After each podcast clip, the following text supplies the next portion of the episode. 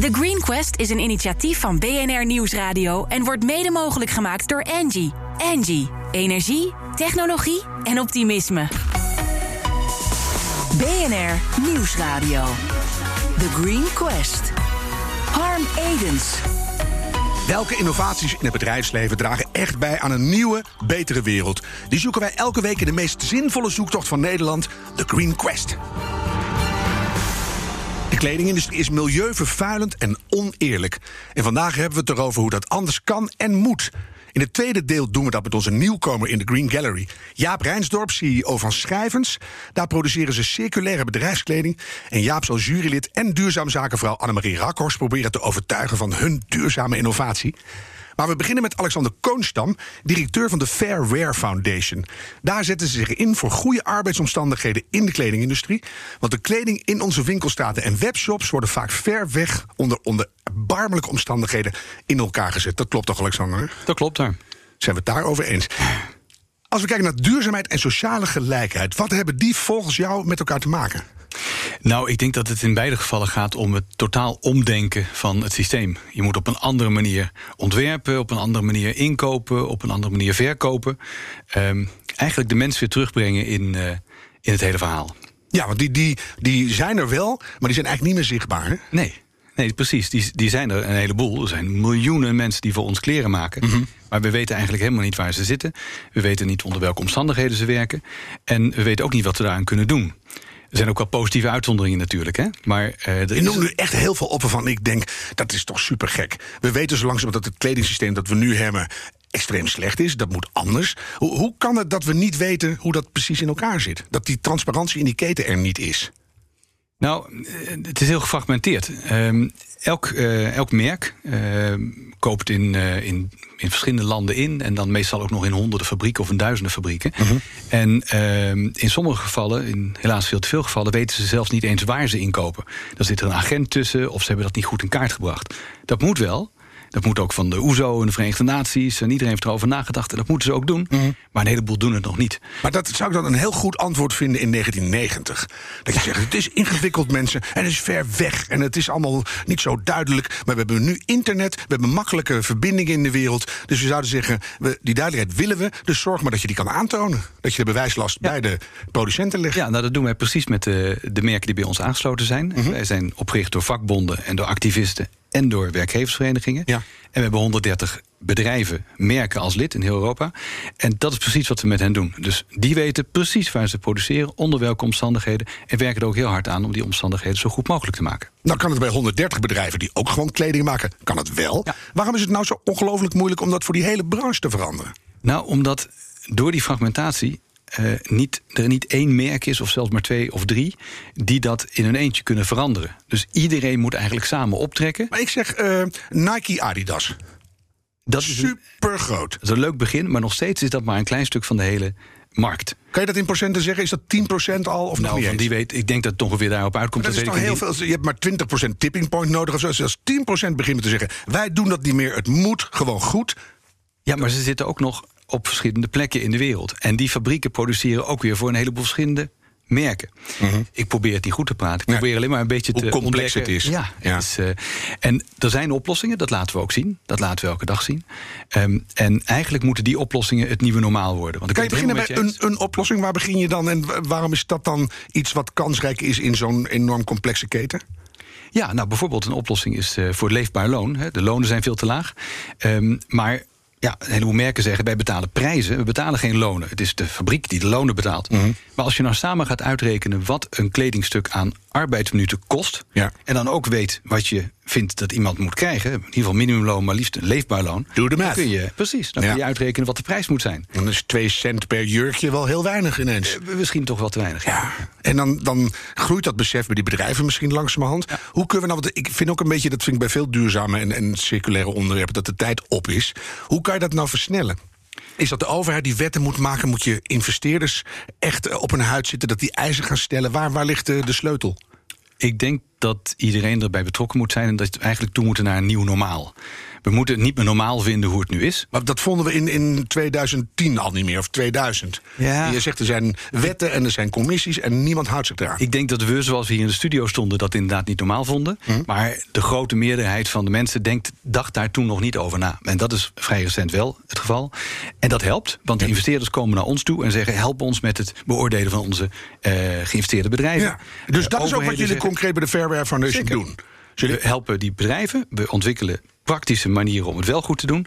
We delen dat met investeerders. We delen dat met eh, media, maar ook met de overheden. Om het op een praktische manier te doen. en Maar toch is het verhaal nog zacht, hè? het verhaal is zacht, omdat we Dus je samen. staat hier met grote overtuigende blauwe kijkers mij uit te leggen hoe het moet. En het is nog een bescheiden verhaal. Terwijl ik zou zeggen, eh, ga met een, een pruik met twee vlechtjes voor het torentje zitten. En zeg, het moet ophouden. Ja, en dat, dat doen we, maar op een andere manier. Mhm. We werken samen met een aantal organisaties die inderdaad die Nike's en dergelijke wel in hun stal hebben.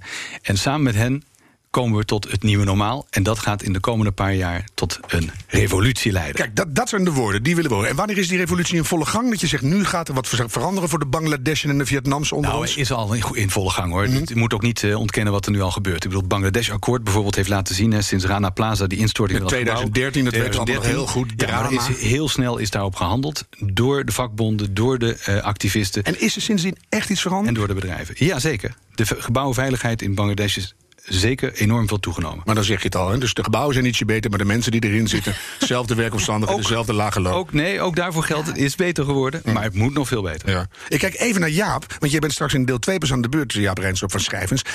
Maar jij bent aangesloten met je bedrijf bij de Fairware Foundation. Sinds 2010. Hebben jullie eh, ook eh, echt last gehad van ze in positieve zin? Ja.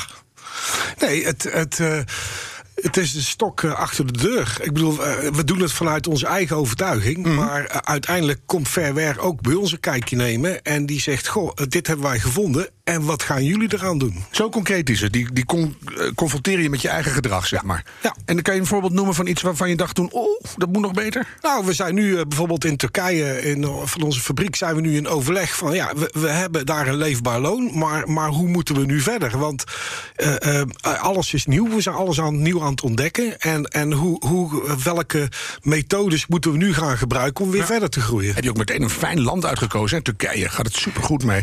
Ehm, Nou ja, het is maar waar je het mee vergelijkt. ja, ja, dat is waar. Alexander. Dat is ook zo, ja. Ik, dit is Annemarie, die komt ook straks pas. Die consument, hè, daar wil ik toch ook even naartoe. Wij hebben toch ook een rol thuis? Wij kunnen toch gewoon goede dingen kopen? Nee, we hebben zeker een rol en eh, we kunnen betere dingen kopen. Dat betekent overigens niet altijd goed, eh, dure dingen, want duur is niet altijd goed. En, Dat is een eh, hè? Dan denk je, ik koop dure kwaliteitskleding, Ja. komt uit dezelfde fabriek. Dat kan uit dezelfde fabriek komen, ja. En bijvoorbeeld Zeeman is ook bij ons aangesloten. Nou, je kan niet zeggen dat ze duur zijn, maar ze gaan wel echt voor duurzaam. Ja. Hè? En, ehm, dus er zijn eh, rollen voor de consument, maar we moeten ook niet overdrijven. De consument heeft niet gevraagd om wegwerpmode. En je moet dus ook niet vragen of de consument het voor ons oplost. Nou, maar ik vind het toch wel leuk dat we langzamerhand die consument zover krijgen... dat die snapt dat kleding waarde heeft. Zouden we daar niet naartoe Nee, moeten? dat zou heel goed zijn. Als onderdeel van de revolutie. Nee, dat is we ook hebben hartstikke wegwerpmeubilair, Ja. wegwerpvoedsel, alles sodemieteren we Ja. maar weg. Kleding eh, kan misschien wel een half jaar mee. Ja, kleding, eh, kleding kan even een paar jaar mee. En eh, dus shoppen in je eigen klerenkast is het meest duurzaam. Dat moet je ook zeker doen. Maar eh, als consument, kijk, als burger zijn we het daar allemaal mee eens. Maar als je dan geconfronteerd wordt, zou ik bijna zeggen, in de winkel met eh, eh, ja, toch het allerlaagste en allergoedkoopste prijs. Ja, fast fashion is never fair fashion. Dat kan je toch gewoon als aankoopregel in je hoofd zetten? Nou ja, dat is, dat, zo makkelijk is dat dus niet. Vind ik wel. Ja, kijk, te veel kopen en te snelle collecties, ja, dat, daar heb je gelijk in. Mhm. Maar het kan ook op een goede manier. Want als je namelijk precies op tijd aanlevert, kun je ook weer een heleboel ehm, verspilling tegengaan. Ja. Dus het is wel wat complexer.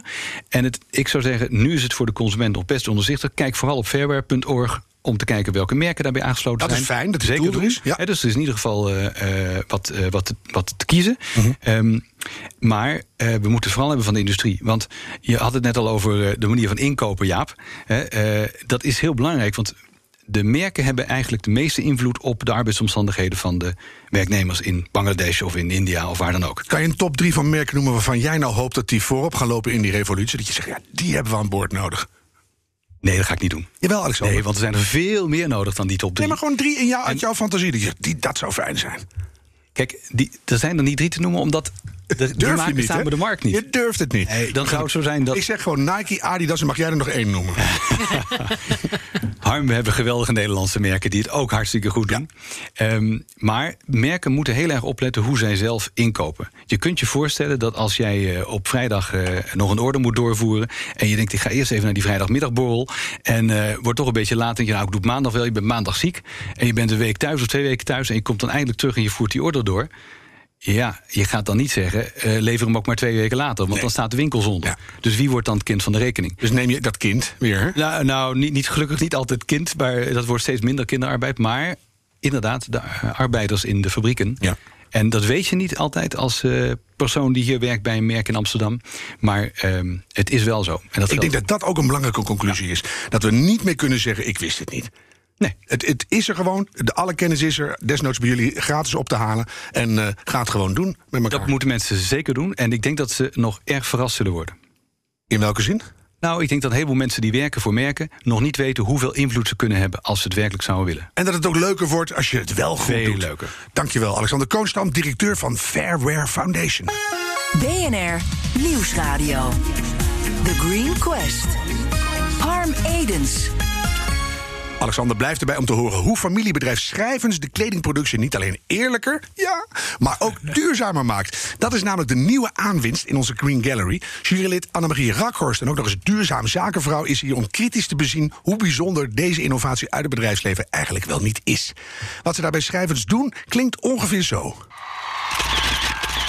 Hey, hey, hey, hey. Looks like somebody got some new clothes. Wow, you look really cool. In the Netherlands only, the amount of textiles that end up in household waste is 140 million kilograms a year.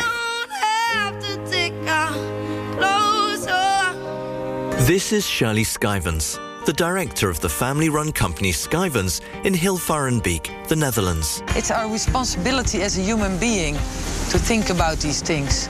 Not only as an owner of a company. You can say, okay, as long as I don't know, then it's, it's okay. Well, that's not really in our DNA. At Schijvens, we are really involved. Yes, we can do better, Jeep Rijnsdorp, CEO van familiebedrijf Schrijvens. Eh hoorden we nou net jouw vrouw daar? Ja, klopt. Ja. Oh, dat is wel, die is eh, very international, Een hè? echt een familiebedrijf, hè? Ja, maar jij bent de koude kant dus. Ehm je schrijven doet het beter in de kledingindustrie. Dan beter is echt zo'n zo'n woord. Hè? Kan jij in eh, een Anders. bescheiden detail aan jurylid Annemarie Rakhorst uitleggen wat jullie innovatie voor de Green Gallery inhoudt?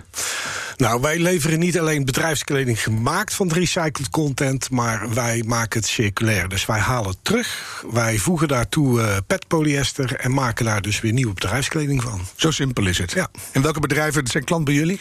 Oh, eh, een heleboel, maar eh, kruid, eh, Kruidvat, Ethos, eh, binnenkort Albert Heijn, eh, Praxis, eh, TBI. Nou, Heel veel. Annemarie, jij hebt schrijvers bestudeerd. Ja. Niet alleen de pitch aangeluisterd nu, maar je hebt je hebt erin gestort. Wat vind je ervan? Ja, het is natuurlijk geweldig dat een, eh, een Nederlands eh, bedrijf eh, duurzame kleding maakt. Niet alleen dus in het hergebruik van materialen, maar ook in sociaal opzicht. Belangrijkste vraag die ik had is waarom vermeng je natuurlijke, en, natuurlijke materialen en kunststoffen? Want het maakt het toch weer lastig om het uit elkaar te halen. En alle kleding die vermengd is, überhaupt producten die heel erg vermengd zijn in verschillende grondstoffen, leiden vaak tot die verbrandingsoven. ja. Klopt. Ja, dat vind ik een dijk van een openingsvraag. Ja. Nou, nou, nou, nou. Dat heeft met de kwaliteiten te maken. Eh, wij mengen dat met petpolyesters, omdat eh, katoen is eh, niet zo kleurvast als polyester en niet zo slijtvast als polyester. Dus je, je, uiteindelijk wil je naar een bepaalde kwaliteit, want het moet ook duurzaam zijn. Het moet dus niet na drie weken weer weggegooid worden. Dat is de verloedering van het woord duurzaam. Maar je bedoelt dat het lang meegaat. lang meegaat. Sorry. Ja, Ja, nee, maar dat is- dat is je hebt gelijk. dat Je is hebt gelijk. aan de lopende maar, Inderdaad. Mhm. Dus dat het langer meegaat. Ja, ja. Dus da- daar heb je voor nodig. En, en dat kan dus niet alleen met de natuurlijke grondstof. En klopt het wat Annemarie zegt dat het daarna dus toch moeilijker uit elkaar te halen is en moeilijker te recyclen? Of hebben jullie daar ook een oplossing voor? Nee, dat, dat eh, lukt dus wel. Dat kan. Dat kan. Nog niet alles, maar een, eh, een eh, groot deel eh, wel, ja. Ja, is het, is het een slimme keuze om petafval te gebruiken? Want ik dacht, pet is al zo ontworpen dat dat juist heel makkelijk gerecycled kan worden. Ja, daarom juist. Niet in kleding, maar gewoon weer in nieuwe pet. Ja, ook. Maar je, het, is in heel veel dingen toepasbaar. Er is zoveel pet dat het niet uitmaakt, bedoel je? Nee. Ja, dat is ook wel verontrustend. Ik zat ook nog te bedenken, als we dan het plastic soepmonster definitief getemd hebben, dan stopt die petaanvoer, hè, want dat wordt echt een cirkel op den duur. Ja. Dan zijn jullie je grondstof kwijt. Eh, nee, want dat is onze grondstof. Die En die pet. mag je dan niet meer hebben, want die blijft dan helemaal in de verpakking. Nou, volgens mij niet helemaal. Maar ik snap wel wat je zegt. Maar ik hoop dat we dan zover zijn dat we weer nieuwe dingen ontdekt hebben. Want het, het, we we staan pas aan het begin. En, eh, en is wij het. hebben ervoor gekozen om van, joh, we, we gaan niet zitten wachten, we gaan beginnen. Ja, En- dit is er nu, dus het dit pakken we is aan. er. En, we kijken want, wel. eh, eh, ja. ja, dat vind ik mooi, dat je begint te rennen. En als je aan het rennen bent, kan je altijd nog een beetje links of een beetje En rechts. onderweg leren we van heel veel. En, eh, en ongetwijfeld zullen we dingen ook niet zo goed doen. Maar als we er maar van leren en denken: hé, hey, dit eh, kan nu anders. En, eh, en dan zijn we weer op de goede weg. Dat, iedereen staat te stralen hier. We waren net op zoek hè, naar een paar van die hefbomen. Van waar zou je het nou echt heel disruptief mee kunnen eh, veranderen? Mhm. En een van de dingen eh, eh, die je zou kunnen bedenken is: laten we kleding eens uit de verbrandingsoven houden. Hè. We hoorden net hoeveel kleding er werd verbrand. Ja. Het is ook 80% van onze kleding die wordt verbrand. Wat gebeurt er als je in de kledingindustrie gewoon zegt: wij verbieden het verbranden van kleding? Wat zou dat voor Nederland betekenen? Ik vind het goed. Voor Ja, Europa eerst en dan betekenen? Alexander ook, want die heeft er vast ook een mening over. Ja, Nou, dat is, poeh, dat is een goede vraag. Heb ik eigenlijk helemaal nog niet zo over nagedacht. zou het kunnen? Eh, ik denk niet helemaal verbieden. Dat is, Nee, maar zover gewoon zijn we nog grotendeels. Niet, maar grotendeels wel, ja, ja. Ik bedoel, wij hebben ons voor- ten doel gesteld om eh, volgend jaar 100% circulair te zijn. Ik, ik verwacht, we zitten nu op 60%. Ik denk dat we eh, een heel eind komen, maar 100% gaan we niet halen. Maar als je niet dat doel hebt, dan, je ga je het nooit. zeker niet Nee. halen. En het gaat enorm helpen, denk ik, in de retourlogistiek. Want ik heb de kostprijsberekeningen gezien voor het terughalen van jullie kledingstuks. Dat leverde, ik dacht, 60.000 euro aan kosten eh, Ja, op. en op dat moment moet iedereen het terug gaan halen. Dus je concurrentiepositie wordt beter. Nou, dat, dat is een van de dingen waar je tegenaan loopt. Hoor je hem binnenkomen, Jaap, zakenvrouw van het jaar? Dat Maar we gewoon- hebben inmiddels de Post eh, NL eh, als partner gevonden. Kijk, maar, dat is heel eh, goed. ja, maar er is wel een ding wat het stuk duurder maakt. Ja, dus Dus daar moet je een oplossing voor hebben. oplossing voor zoeken. Ja. Jaap, helemaal verbieden. We gaan geen kleding meer verbranden. Ben je nou gek geworden? Eh, Alexander, ja, ik denk dat. ehm, eh, dat het- ja, maar dat niet doen. We gaan met Dat ook circulair. De circuleren we ook. Dus- Nou, weet je, ik, ik weet niet zoveel van verbranding, maar er zijn een heleboel dure merken die eh, op het eind van het seizoen nog even lekker hun collectie gaan verbranden om de prijs goed hoog te houden. Dan Zo denk is ik, dat. eh, weet je, geef het maar aan de mensen die, die kleren maken in plaats van. eh, Dit is toch wel weer erg, hè? Ik weet Heel van ernstig. bepaalde postorderbedrijven... dat als je zes bikinis bestelt en je stuurt er vijf terug... worden er vijf geschredderd. Maar dit is ook weer een mooi. Kleding verbranden om de prijs hoog te houden? ja, Die wist ik nog niet. exclusiviteit. Nee, maar dat is Zo. absoluut wat er gebeurt. En producentenverantwoordelijkheid, hoe denken jullie daar dan over? Mhm. Voor kleding? Ja. Ja. Moet invoeren? Moet er gewoon gevangenisstraf op als je dit soort rare dingen doet? Dat kan toch niet meer? Je kan toch geen kleding gewoon afvikken omdat je de prijs hoog... Wat zijn we mee bezig? Ja, ja. dit is eh, de wereld waar we eh, nog, nog in leven. En, en ik doe elke dag niks anders en dan toch hoor je steeds weer dingen die je denkt... oh, het kan nog erger. Bedankt, Alexander. Of zal ik je toch maar weer Jaap noemen? nou ja, om even in te haken op leefbare lonen. In eh, Pakistan hebben wij samen met Zeeman een leefbaar loon ingevoerd in de fabriek. Daar, het, wat het ligt op ongeveer eh, 107 dollar ligt het minimumloon. En we gaan nu naar 130 dollar. Flink Dan moeten die mensen wel 45 uur per week voor werken. hè? Maar dat doe ik ook. Dus dat is Ja, niet- ja. ja. Nee, maar dat vind ik toch goed. Want Zeeman is echt zo'n voorbeeld dat je denkt... Hè, drie paar sokken voor 99 Nou, cent. daarom- Dat precies. kan niet. En toch... Daar waren je- we heel blij dat ze mee wilden doen. Ja. Om, om de rest van de markt te laten zien. Van, joh, het kan wel. Even terug naar jullie product. Jullie gebruiken ook garen van eigen bedrijfskleding... wat je dan terughaalt. Eh, hoe werkt dat dan? Dat gaat door de shredder en dan maak je nieuw garen van? Ja, er wordt eh, de, de ritsen, knopen, al dat soort onderdelen worden verwijderd. Eh, dan gaat het inderdaad in de shredder. Daar worden dus weer hele kleine pluisjes van gemaakt. Eh, daar wordt eh, bijgemengd een deel snijafval. Want dat is dan geen virgin katoen, maar heeft nog wel een betere kwaliteit katoen. Bijna maagdelijk. Bijna maagdelijk. Is een Nou, soort- het is de verspilling is een van het voedsel, maar dan op kleding, toch? Ja, precies. Dus, eh, dus eh, daar is eh, wel van een betere kwaliteit. Mhm. En daar mix, mixen we dus weer een beetje petpolyester bij, zodat we eh, die kwaliteit kunnen Sterkte in de handhaven. kleur houden. En de sterkte in de kleuren En kan kunnen dat eindeloos doorvoeren? Of worden Nee, HEMA-hemdjes eh, steeds doorzichtiger? Nou, we- verwachten dat het eh, drie tot vier keer kan. Maar alles is nieuw, dus eh, eh, we zijn aan het ontdekken. En als je dat dan uitdrukt in CO2-besparing en, en, en grondstof? 40% minder CO2, 40% minder energie en 99% minder, Minder water. water. Ja. En grondstoffen? Oh, pff, ja, heel veel. Want je hebt eh, bijna geen... Ja, maar het gaat gewoon eh, 50, 50, 100 bijna. Ja, is het, eh, eh, Daarom sociaal en milieu gaan hand in hand. Want als wij het over leefbare lonen hebben... maar aan de andere kant eh, eh, grond eh, voor katoen eh, gebruiken... en al het water gebruiken... ja, waar hebben we dan voedsel? We, we hebben geen ruimte meer voor voedsel. Nee. Dus daar hebben we wel een leefbaar loon... maar we hebben geen voedsel. Dus ja... Nou, ja, uiteindelijk ook een oplossing. maar dat is wel een beetje een tragische. Alexander? Het gaat uiteindelijk om waarde. Hè? Als, eh, als die kleding niets meer waard is, dan zijn de mensen die het maken ook niks waard.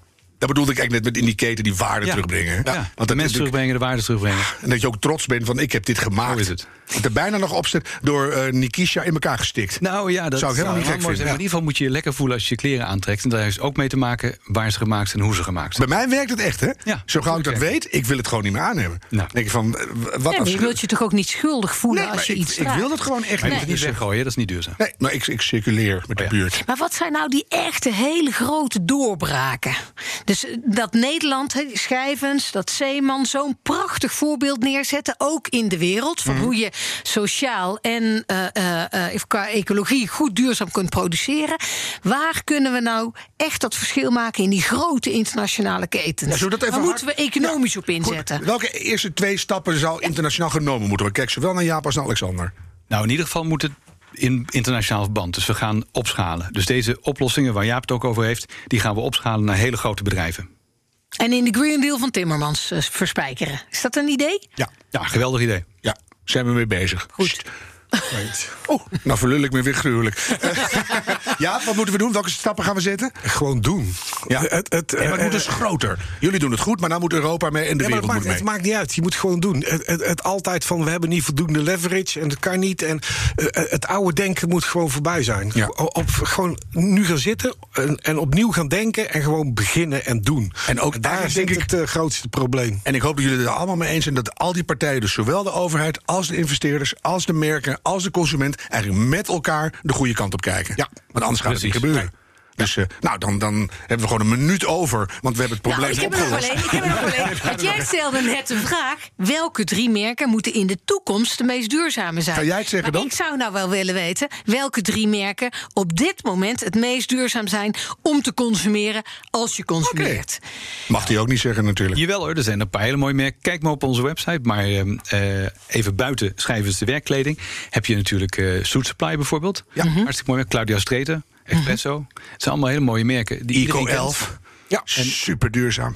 Dus, en vaak in de outdoor. Daar zitten er veel. Die zijn al heel betrokken bij de planeet. Dus als je duurzaam wil consumeren, weet je nu hoe. Ga gewoon naar de Fairwear Fairwear.org. Foundation. Dank jullie wel. Jaap Rijnstorp, mooi om iets op te lossen. Hè? CEO van Schrijvens. Annemarie Rakhorst, ons trouwe jurylid. En natuurlijk Alexander Koonstam, directeur van de Fairwear Foundation. Neem een kijkje ook op de greenquest.nl. Daar kan je alle 27 bedrijven tot nu toe in de Green Gallery zien. En heeft jouw bedrijf een minstens zo belangrijke innovatie... meld je gewoon aan op diezelfde site. En terugluisteren als podcast kan via alle daarvoor beschikbare kanalen en apps. En bedenk minstens één keer in de week... die volhoudbare wereld, die maken wij samen. The Green Quest is een initiatief van BNR Nieuwsradio en wordt mede mogelijk gemaakt door Angie. Angie, energie, technologie en optimisme.